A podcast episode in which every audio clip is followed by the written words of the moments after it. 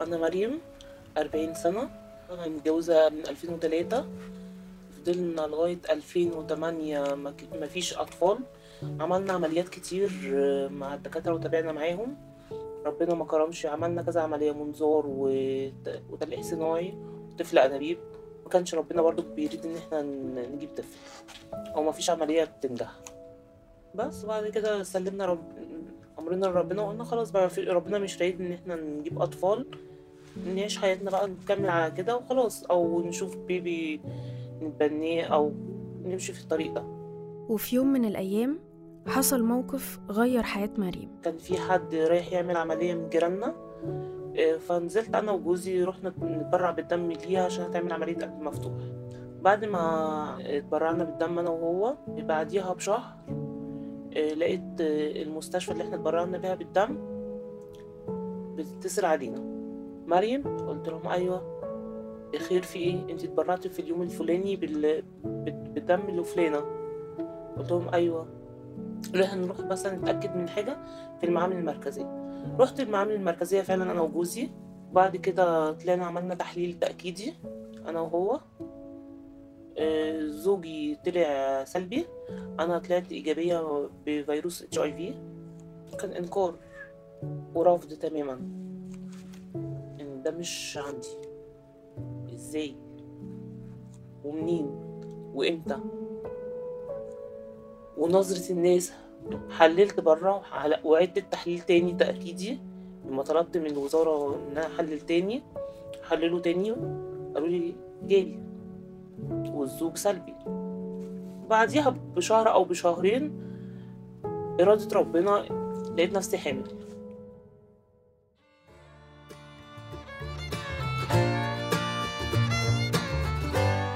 أنا عبد المسيح ودي الحلقة التانية من الموسم التاني من بودكاست عايزين نفهم من إنتاج مشروع الحب ثقافة. من خلال بودكاست عايزين نفهم هنفتح معاكم مساحة جديدة للنقاش عن كل الموضوعات المتعلقة بالحب والعلاقات والجواز. النهاردة العالم كله بيحتفل باليوم العالمي للإيدز وعشان كده هنسمع النهاردة لمريم. اللي اختارت الاسم ده لنفسها حفاظا على خصوصيتها. بس قبل ما نعرف مريم عملت إيه لما عرفت إنها حامل مهم قوي نعرف الفرق بين العدوى بفيروس نقص المناعة البشري أو ال HIV وبين الإيدز هنسمع دلوقتي دكتورة فريدة طبيبة بشرية حاصلة على ماجستير الصحة العامة ومتخصصة في مجال الأمراض المعدية وخصوصا فيروس نقص المناعة البشري. دكتورة فريدة هتشرح لنا الفرق بين التعايش مع الفيروس وبين الإيدز ال HIV أو فيروس نقص المناعة البشري؟ هو فيروس زي أي فيروس بيصيب الجسم زي فيروس الأنفلونزا زي فيروس كورونا اللي اليومين دول موجود بس مش مش صعب زي الكورونا كده في في المضاعفات بتاعته. فيروس بيصيب جهاز المناعة فبالتالي جهاز المناعة بيضعف مع الوقت. الجسم بيبقى أكتر عرضة للأمراض المختلفة. دي بنسميها العدوى الانتهازية ودي بتصيب الأجسام الضعيفة اللي هي مناعتها قليلة. فأي شخص عنده الفيروس أو أي شخص اتصاب بالفيروس بنسميه متعايش بالفيروس طالما هو قادر يقوم بحياته بشكل كامل آه، بياكل بيشرب بيتحرك بيمارس شغله بيتجوز بيخلف كل الحاجات دي هو شخص متعايش مع الفيروس. آه لكن إن الإيدز ده بتبقى مرحلة أخيرة أو دي المرحلة اللي بنسميها إكلينيكية أو سريرية من المرض. ممكن المتعايش يوصل لمرحلة الإيدز لو ما أخدش العلاج. أو في بعض الحالات الأدوية ما جابتش معاه نتيجة وأحيانا بسبب إن المتعايش ما أخدش احتياطات حماية معينة زي استخدام إبر نظيفة وممارسة الجنس المحمي. فبيبدأ إن هو الجهاز المناعي بيبدأ ينهار وبيبدأ الشخص ده إن هو يبقى معرض لعدوى كتيرة وبيبدأ بقى إن هو يدخل في المرحلة بتاعة الإيدز دي وهي بتبقى المرحلة الأخيرة. بتبدأ عليه تظهر أعراض معينة بيكون أكتر الوقت في السرير بيحتاج رعاية طبية وكده. بس اللي إحنا بنتكلم عليه إن الشخص ممكن يبقى متعايش مثلا بالفيروس لمدة عشرين سنة وخمستاشر سنة وأكتر من عشرين كمان بشكل كويس لكن الإيدز غالبا المرحلة دي بتبقى قصيرة جدا يعني من 3 ل 6 شهور والشخص بعديها بيتوفى طب هل كل متعايش لازم يوصل لمرحلة الإيدز؟ لا طبعا يقدر يكمل متعايش كده لحد ما ربنا يأذن يعني مش لازم يوصل خالص لمرحلة ال- الإيدز طالما هو آه، بياخد العلاج لو شخص بياخد علاجه بيمارس جنس عن طريق وسائل حماية آه مفيش مخدرات مفيش كحوليات بشكل كبير آه بياكل أكل سليم وأكل صحي بيمارس رياضة. بنلاقي إن الفترة بتاعة ال HIV أو التعايش مع الفيروس طويلة جدا وحياته بتكمل بشكل كويس جدا. نرجع لمريم اللي أول ما عرفت إنها حامل اتلخبطت وما كانتش قادرة تقرر تكمل الحمل ولا لأ خاصة بعد ما عرفت إنها متعايشة. ما كانتش كمان عندها معرفة كفاية عن إمكانية الولادة من غير ما العدوى تتنقل للطفل. وقتها كنا عايزين ننزل البيبي خايفين إن هو يتصاب. آه، بعض الدكاترة في الوزارة قعدوا يدونا ده دعم وإرشادات وكده. لا ممكن تجيبي بيبي وكويس وسليم بس التزم بالعلاج والبيبي ياخد علاج. قعدنا نتكلم أنا وجوزي رجعت قلت طب دي حاجة أنا أمنيتي فيها بقالي خمس سنين. لا أنا هكمل واللي ربنا رايده هشوفه. كملنا فعلا الحمل طول الحمل كويسة مفيش أي حاجة.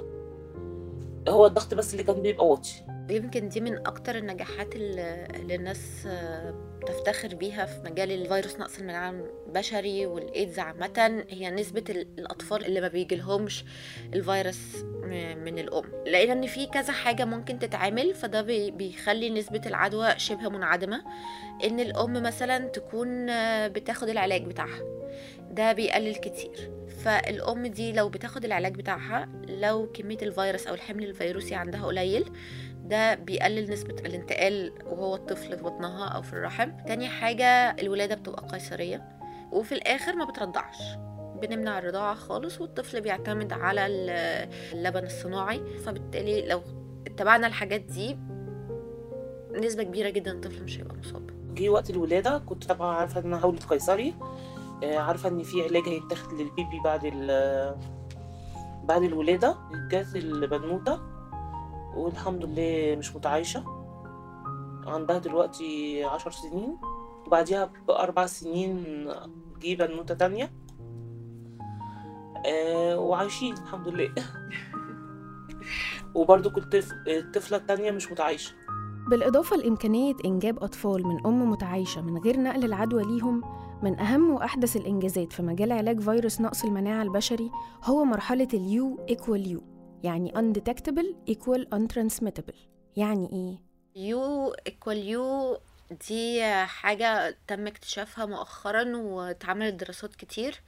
اكتشفوا إن لما الشخص بي بياخد العلاج بشكل كويس فتبدأ كمية الفيروس تنزل جدا بحيث إن ال- الأجهزة أو التحاليل ما بتحددش الخلايا. يعني مع الانتظام على العلاج ممكن تقل نسبة الفيروس في الجسم لدرجة إن التحليل ما بيقدرش يشوفها من كتر ما هي قليلة. وده اللي بيسموه undetectable يعني لا يمكن اكتشافه. فالشخص ده في الحالة دي لو مارس ال- العلاقة الجنسية من غير واقي ما يتنقلش عن طريقه ال- الفيروس. وده بقى اللي بيسموه untransmittable يعني لا يمكن انتقاله. ودي احدى الطرق اللي الناس بتستخدمها في الحمل إن مثلا لو حد من الشريكين آه، مصاب وبيبدأوا يشتغلوا معاه العلاج فأول ما يبقى undetectable يعني نسبة الفيروس تكاد تكون منعدمة فيبدأوا إن هم يمارسوا العلاقة الجنسية من غير أي واقي وإن هم ما حدش يحصل له عدوى أو كده. بس الموضوع ده بيحتاج التزام جدا من الشريكين مع بعض إن هم لو بياخدوا الأدوية أو حد منهم بياخد الأدوية يكون ملتزم فعلا على العلاج. والتحاليل تكون مظبوطة وفي نفس الوقت يكون في صراحة وثقة بين الشريكين إن ما حدش يبقى فيها خداع للتاني مثلا أو إن إن حد مش فاهم الموضوع قوي بس الدكتور بيقعد مع الطرفين بيعرفهم نتائج التحاليل بي بيطمنهم إن دلوقتي الدنيا بقت تمام أمان وبيبدأ يتابع معاهم عشان لو في أي تغيرات بتحصل. فالموضوع محتاج بس متابعة. قبل إصابة مريم بال HIV ما كانتش عندها أي معلومات علمية عن الفيروس ولا حتى طرق انتقاله أو التعايش معاه. طرق النقل عن طريق التلفزيون والأفلام اللي كانت بتيجي وما كنتش متخيلة إن هو موجود في مصر أصلا. كنت أعرف إن هو موجود بره بس برضو زي زي أي حد في المنطقة اللي عندي. ما كنتش متخيلة إن هو ممكن أنا في يوم من الأيام أتصاب بيه. ما كانش في خيالي خالص. بس دي المعلومات اللي كانت عندي طرق النقل بس. واللي بيجيله بيموت. أو بيحجزوه بيعزلوه في مكان لوحده لغاية ما يموت. طبعا لما اتصبت بيه وتع... وتعايشت معاه لقيت حاجة غير كده خالص. لقيت إن لأ في في الوزارة علاج وفي دعم وفي لأ أنتوا هتعيشوا. لأ ومفيش حجز ومفيش معلومة أو اسمك بيت. حتى في شغلك ما فيش حد بيعرف حاجة خاصة بيك حتى في منطقتك ما حدش يعرف حاجة عنك. ما فيش رسالة آه، خصوصيتك معانا هنا بس وما فيش مش هتطلع بره. وهنا ضروري نقف لحظة ونراجع مع دكتورة فريدة طرق انتقال العدوى بفيروس نقص المناعة البشري. هو الفيروس لازم عشان ينتقل من حد لحد لازم في واحد يبقى مصاب. فما ينفعش اتنين ايا كانت الممارسة اللي بيمارسوها لو الاتنين مش مصابين بالفيروس إن هو هيجي لهم الفيروس هو مش هيجي من الهواء هو لازم حد بيكون مصاب. الإصابة لازم بتتم عن طريق سوائل إن سوائل بتدخل مجرى الدم في الجسم. فايه اللي هيدخل السوائل دي لمجرى دم عند الإنسان. أول حاجة مثلا الناس اللي بتاخد حقن مخدرات. لطبيعة الحقن نفسه بيضطر الشخص إن هو الحقنة دي بيبقى فيها كمية دم من شخص لشخص فلو حد مصاب استخدم حقنة وجي حد تاني استخدم نفس الحقنة أو السرنجة بيتصاب بالفيروس لأن هو بيدخلها آه، في جسمه فبيبدأ إن هو يحصل إصابة دم. بس لو حد مثلا بيستخدم مخدرات بس بيستخدم سرنجة نظيفة أو إبرة نظيفة كل مرة هيتصاب بالفيروس لأ مش هيتصاب بالفيروس. يعني الإصابة مش مرتبطة بفعل تعاطي المخدرات بالحقن في حد ذاته. ولكن بمشاركة الحقن مع أشخاص كتير واحتمالية إن حد منهم يكون مصاب. تاني حاجة آه، السيل المنوي عند الراجل. ده بتبقى فيه نسبة الفيروس عالية. فهو لو مارس علاقة جنسية غير محمية سواء مع ست أو مع راجل عن طريق مثلا الجنس المهبلي أو الجنس الشرجي يقدر إن هو آه، يصيب الشخص اللي اللي بيمارس معاه العلاقة دي لو هو ما استخدمش. واقي ده برضو لأن نتيجة الاحتكاك اللي بيحصل خلال الممارسة الجنسية إن هو ال- الشعيرات الدموية بتكون تقدر إن هي تستقبل حاجة زي كده لو تم القصف داخل الجسم. ففي ناس هتسأل طب ما هو الجنس الشرجي الممارسات فيه آه، دايما بتنقل. هي مش دايما بتنقل بس الاحتمالية بتاعة نقله مقارنة بالجنس المهبلي بتبقى أكتر لأن نسبة الاحتكاك فيه أكتر. فمش معنى كده إن أي ممارسة شرجية هتنقل الفيروس لازم يبقى حد مصاب ونسبته أعلى من نسبة ال- ال- ال- الممارسة المهبلية. تاني حاجة برضو عن طريق سوائل السوائل الموجودة في المهبل عند الست فلو الست مصابة برضو السائل المهبلي عندها بيبقى في نسبة الفيروس دي فلو هي بتمارس علاقة جنسية مع حد تقدر تنقله الإصابة. وفي تالت حاجة اللي هي من الأم المصابة لابنها أو بنتها أو الجنين يعني خلال مرحلة ال- الحمل بيتنقل عن طريق التغذية اللي داخلة للجنين آه، أو في الولادة في الولادة الطبيعية مش الولادة القيصرية. ممكن الطفل يتعدي والرضاعة. كان في فترة ما كانت نقل الدم بينقل.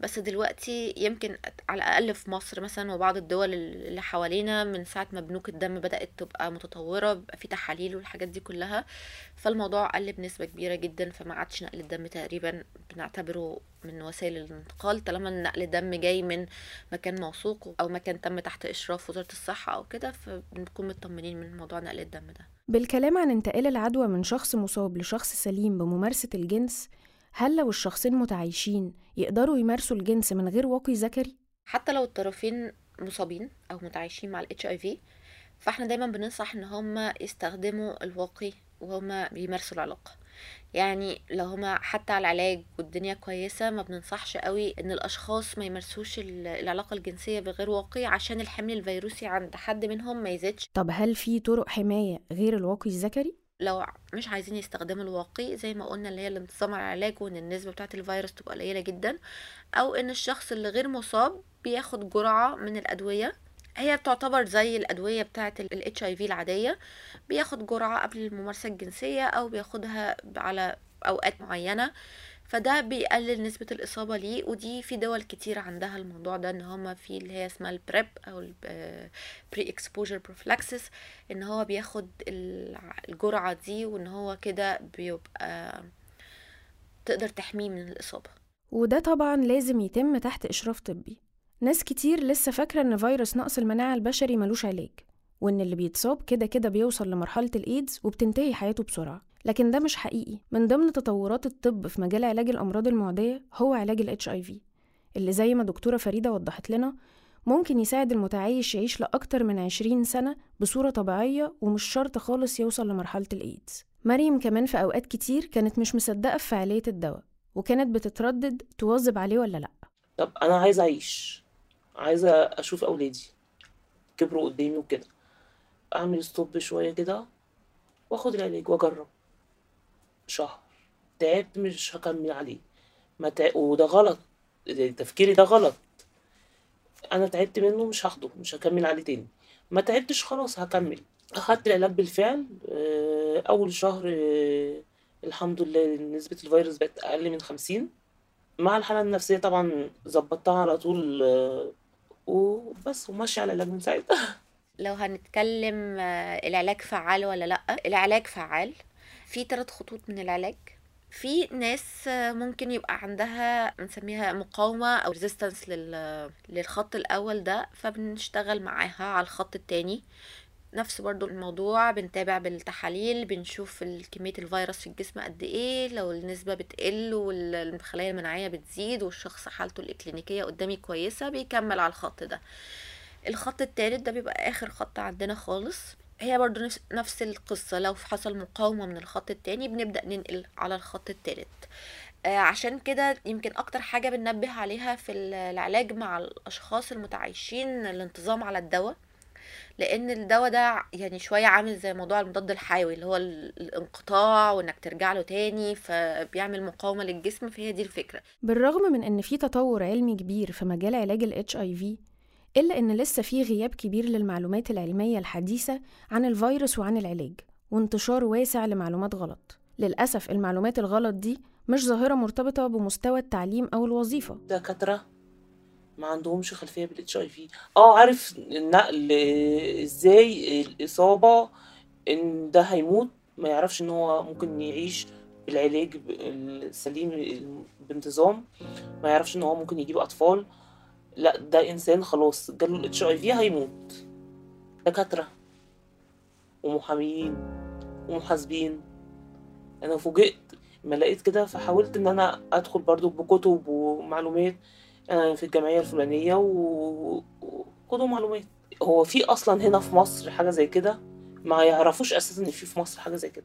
لا في وفي حوالينا وبيقدروا يعيشوا ويخلفوا وي- ويتجوزوا.